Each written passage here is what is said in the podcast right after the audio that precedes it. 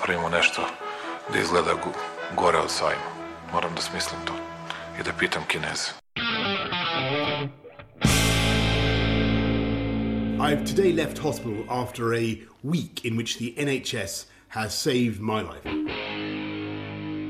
Ne mogu da verujem da narod koji je preživao sankcije, bombardovanje, svakojako maltretiranje će se uplašiti najsmješnijeg virusa u istoriji čovečanstva koji na Facebooku postoji.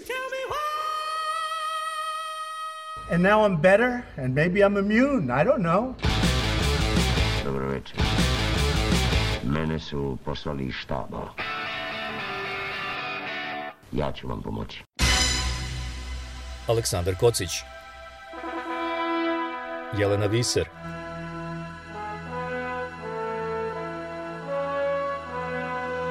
Radio Karantin Hronika istorije u nastajanju Da li postojeće vakcine protiv covid mogu da nam pomognu protiv novih sojeva virusa, onih za koje trenutno ni ne znamo?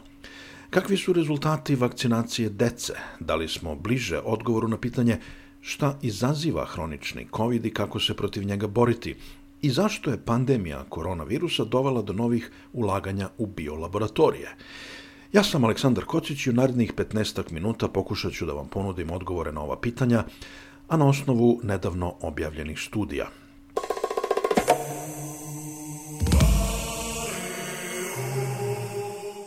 U prethodnoj emisiji govorio sam o istraživanjima koje ukazuju da nove vakcine, napravljene da pre svega pomognu organizmu u borbi protiv omikron soja, pružaju tek nešto malo veću zaštitu od starih. Sada pak naučnici kažu da te nove bivalentne vakcine mogu bolje da pomognu organizmu da se bori protiv sojeva koji za sada i ne postoje. Kako? Eto, tako kažu dve nove studije dostupne u bazi BioArchive. Njihovi autori tvrde da nove vakcine stvaraju ćelije koje će vremenom evoluirati tako da proizvode antitela za borbu protiv i starih i novih sojeva virusa. Time se praktično baca novo svetlo na vakcine protiv omikrona za koje smo do sada čuli da ne daju posebno bolju zaštitu od starih. Virusolog sa Instituta za imunologiju La Jolla u Kaliforniji, Shane Crotty, kaže za časopis Nature da nam ova nova saznanja pokazuju koliko naš imunni sistem dobro ume da pogodi kako će novi sojevi virusa izgledati. Kada se Omikron soj pojavio pre oko godinu dana, farmaceutske kompanije bacile su se na posao razvijanja nove vakcine. U Sjedinjenim državama su u avgustu odobrene bivalentne vakcine protiv Omikron sojeva BA4 i BA5, a u septembru je u Evropi odobrena vakcina protiv soja BA1. Sada naučnici kažu da glavnu ulogu u borbi protiv virusa igraju takozvane B ćelije, koje nazivaju fabrikama antitela dok su svetla ugašena. Svaka B ćelija proizvodi samo jedan tip antitela. Kada naiđe na nepoznat antigen, imunni sistem aktivira postojeće B ćelije koje prepoznaju neki stari antigen najsličniji novom napadaču. Organizam inače čuva i određen broj B ćelija koje mogu da stvaraju sasvim nova antitela namenjena borbi protiv novog napadača. U prošloj emisiji govorio sam o takozvanom imunološkom imprintu, tendenciji imunog sistema da prvo prepozna ranije verzije patogena sa kojim treba da se bori, što u slučaju koronavirusa znači da imunni sistem najlakše prepoznaje prvobitne sojeve virusa.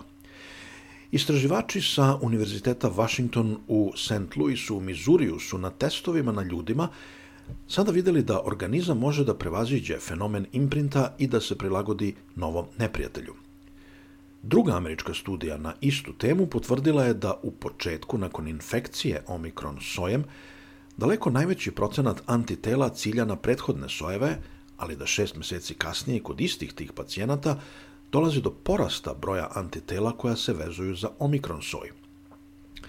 To je naučnike iz Centra za istraživanje raka u Sijetlu navelo da zaključe kako je naš imunni sistem u stanju da se adaptira dugo nakon što je infekcija prestala. Oni zato smatraju da ima svrhe razvijati booster vakcine protiv novih sojeva, čak i ako ih u početku virus uspešno izbegava. Na kraju krajeva, dodaju naučnici, svaki novi soj je genetički najbliži svom najskorijem prethodniku – Shane Crotty naglašava da je koronavirus, nakon što je zarazio milijarde ljudi na planeti, imao dovoljno prilika da nauči kako da izbegava naše odbrambene sisteme, ali isto tako je i naš imunni sistem imao milione godina da postane kreativan, baš kao i virus, i da nauči da tamo gde se jedan virus pojavi, u bliskoj budućnosti biće i njegovih bliskih rođaka. Naravno, kao i uvek u nauci, ima i drugačijih mišljenja, ima skeptika koji ukazuju da su ova najnovija istraživanja rađena na malom uzorku i da nam pokazuju da nova antitela mogu da se vezuju za nove sojeve virusa, što ne znači da mogu i da ih blokiraju. Ova priča, kako vidimo, tek se zahuktava. Radio karantin.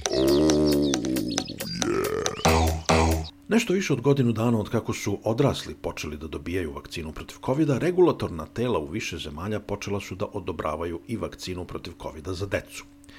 Trenutno je vakcinacija dece protiv covid odobrena u 120 zemalja i milione klinaca primili su vakcinu, eno ih igraju se i luduju, živi i zdravi. U najvećem broju slučajeva odobrena je vakcinacija dece starije od 5 godina, ali ima i zemalja gde se vakcinišu deca već od šestog meseca – Prema istraživanju Agencija za analizu u zdravstvu Airfinity, za vakcinaciju dece najpopularnije su RNK vakcine koje proizvode Pfizer i BioNTech i koje su odobrene u preko 100 zemalja. Lekari kažu da su se vakcine na deci pokazale bezbednim i da je problema bilo uglavnom kod manjeg broja mladića starosti od 16 do 24 godine, kod kojih je došlo do upale srčanog mišića – To su bili, kako se naglašava, redki i blagi slučajevi koji su prestali sami od sebe. Neželjenih posljedica kod dece od 5 do 11 godina starosti bilo je veoma malo, otprilike 1 na milion, kako tvrdi časopis Nature. Dakle, vakcine su se pokazale kao bezbedne za decu. A da li su i efikasne, posebno od kako je Omikron ušao u igru? Podaci koji se uglavnom odnose na Pfizerove i Modernine vakcine ukazuju da su vakcine efikasne u sprečavanju težih oblika bolesti, mnogo manje u sprečavanju infekcije i da zaštita koju pružaju ne traje dugo. Otprilike isto kao i za odrasle. Neke zemlje sada deci, pre svega tinejdžerima, nude i treću dozu, a podaci pokazuju da su i tu rezultati slični kao i na odraslima – Za sada nema podataka o tome da li vakcine pružaju zaštitu od hroničnog covid -a.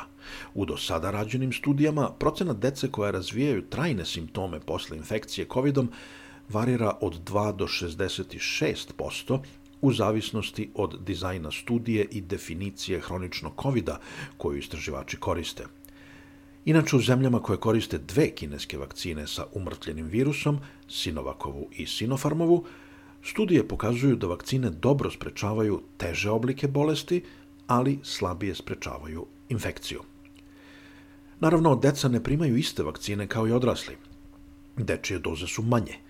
Podaci iz Katara pokazuju da najbolje rezultate daje vakcinacija najmlađih koji dobijaju zapravo najveće doze u odnosu na svoju veličinu.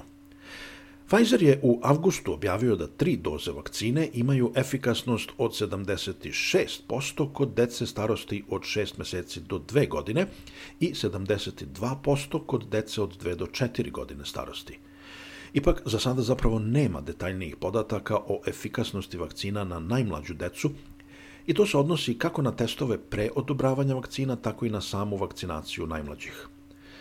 Ono što je takođe zanimljivo jeste da se procenat vakcinisane dece drastično razlikuje od zemlje do zemlje.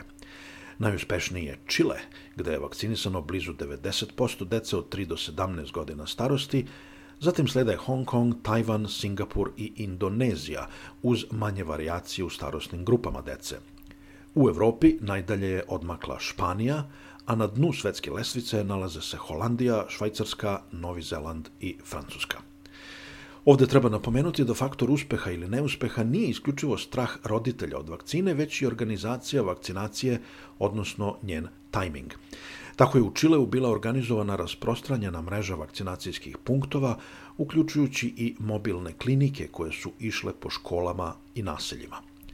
Inače, od covid je do sada na globalnom nivou umrlo preko 16.000 dece mlađe od 20 godina. Radio karantin. Svejedno da li ste vakcinisani i koliko puta. Ako ste imali COVID, da li vas kojim slučajem i dalje muče glavobolje, zamor, bol u ušima, tinitus, vrtoglavica, srčane palpitacije ili bol u mišićima? Ako imate neke od ovih simptoma, vrlo je moguće da patite od hroničnog covid i zato bi bilo dobro da se obratite lekaru. Za hronični COVID znamo već duže vreme da postoji, ali ne znamo koliko traje i šta ga tačno izaziva, uprko sada već stotinama studija na tu temu.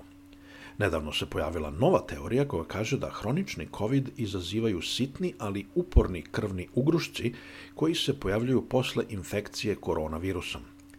Glavni pobornici ove teze su Eteresija Pretorius, psiholog na Univerzitetu Stellenbosch u Južnoj Africi i Douglas Kell, biolog sa Univerziteta u Liverpoolu.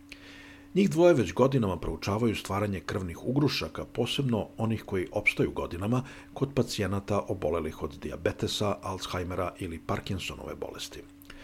Po izbijanju pandemije fokusirali su se na COVID i analizirali krv potpuno zdravih ljudi, pacijenata sa COVIDom, onih sa diabetesom i onih sa hroničnim COVIDom.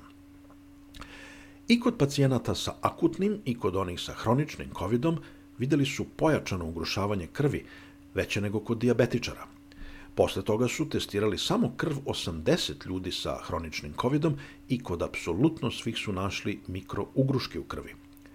Onda je jedan tim naučnika u Sheffieldu u Engleskoj uradio slično istraživanje i utvrdio da svi koji su imali COVID, akutni ili hronični, imaju mikrougruške, ali da oni sa hroničnim covidom imaju veći broj krupnih ugrušaka – Ovaj tim je kasnije utvrdio i da postoji veza između iscrpljenosti i mikrougrušaka, doduše kod jednog broja pacijenata, ne kod svih.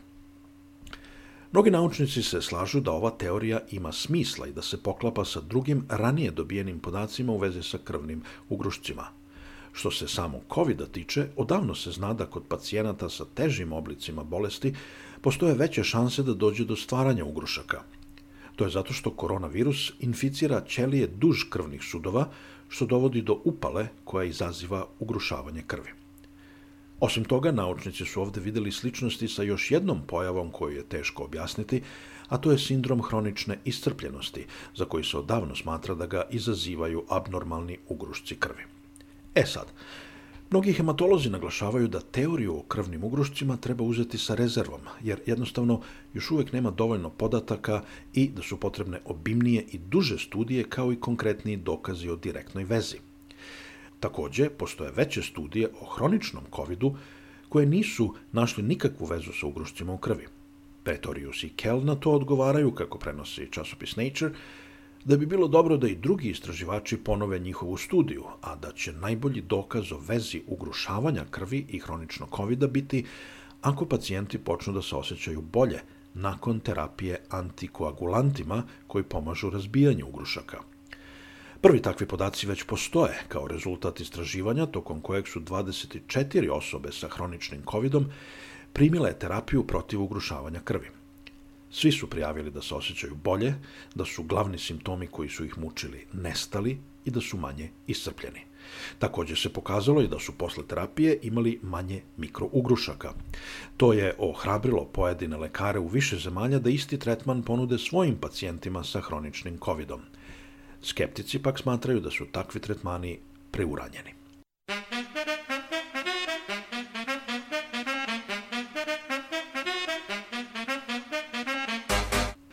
Jedna od posljedica pandemije jeste i odluka mnogih zemalja da ulože u sobstvene biološke laboratorije kako bi same mogle da rade epidemiološka istraživanja.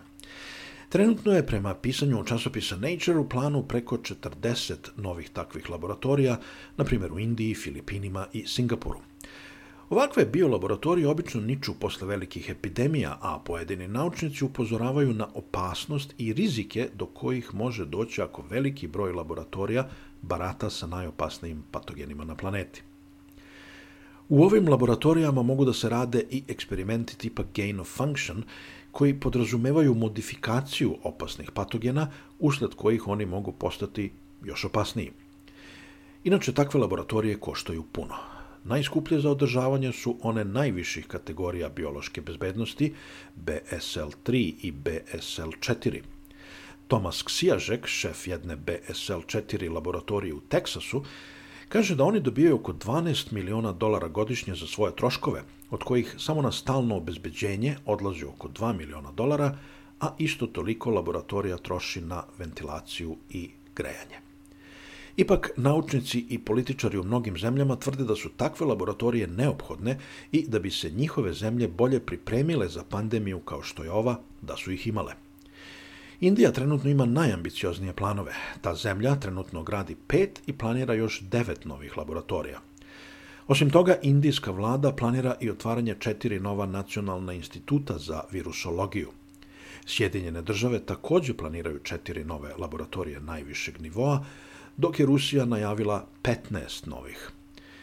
Biolaboratorije trećeg nivoa projektuju se tako da u njima može bezbedno da se radi sa patogenima koji su potencijalno smrtonosni i mogu da se unesu disajnim putem.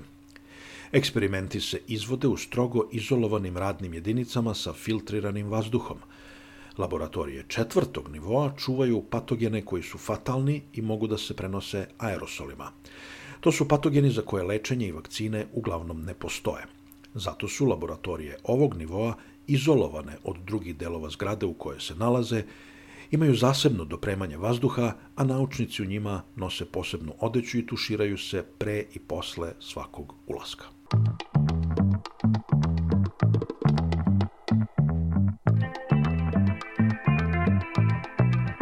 Radio karantin. Bio je ovo još jedan podcast Radio Karantin. Hvala vam što nas slušate i podržavate. Nama treba vaša novčana pomoć da bi mogli dalje. Mi smo mali, neprofitni tim i verujemo u značaj objektivnog informisanja zasnovanog na činjenicama. Živimo u vremenu lažnih vesti i uvijene ili otvorene propagande i želimo da se tome suprotstavimo. Smatramo da je u ovom vremenu i tokom ove pandemije od presudnog značaja da se čuje glas stručnih i kompetentnih, onih koji znaju svoj posao i nemaju skrivene motive. Zato nam je potrebna vaša pomoć. Svaka vaša donacija puno nam znači da pokrijemo troškove nabavke neophodne tehnike, postavljanja podcasta, održavanja sajta i promocije. Možete da nam pomognete jednom ili na redovnoj, nedeljnoj ili mesečnoj osnovi. Možete da nam date 1 evro, dolar, funtu, dinar ili šta vam zgodno, a može i 100. Jednostavno je i ne oduzima puno vremena. Sve informacije su na našem sajtu radiokarantin.eu. Hvala i veliki pozdrav.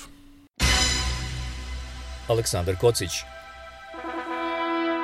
Jelena Viser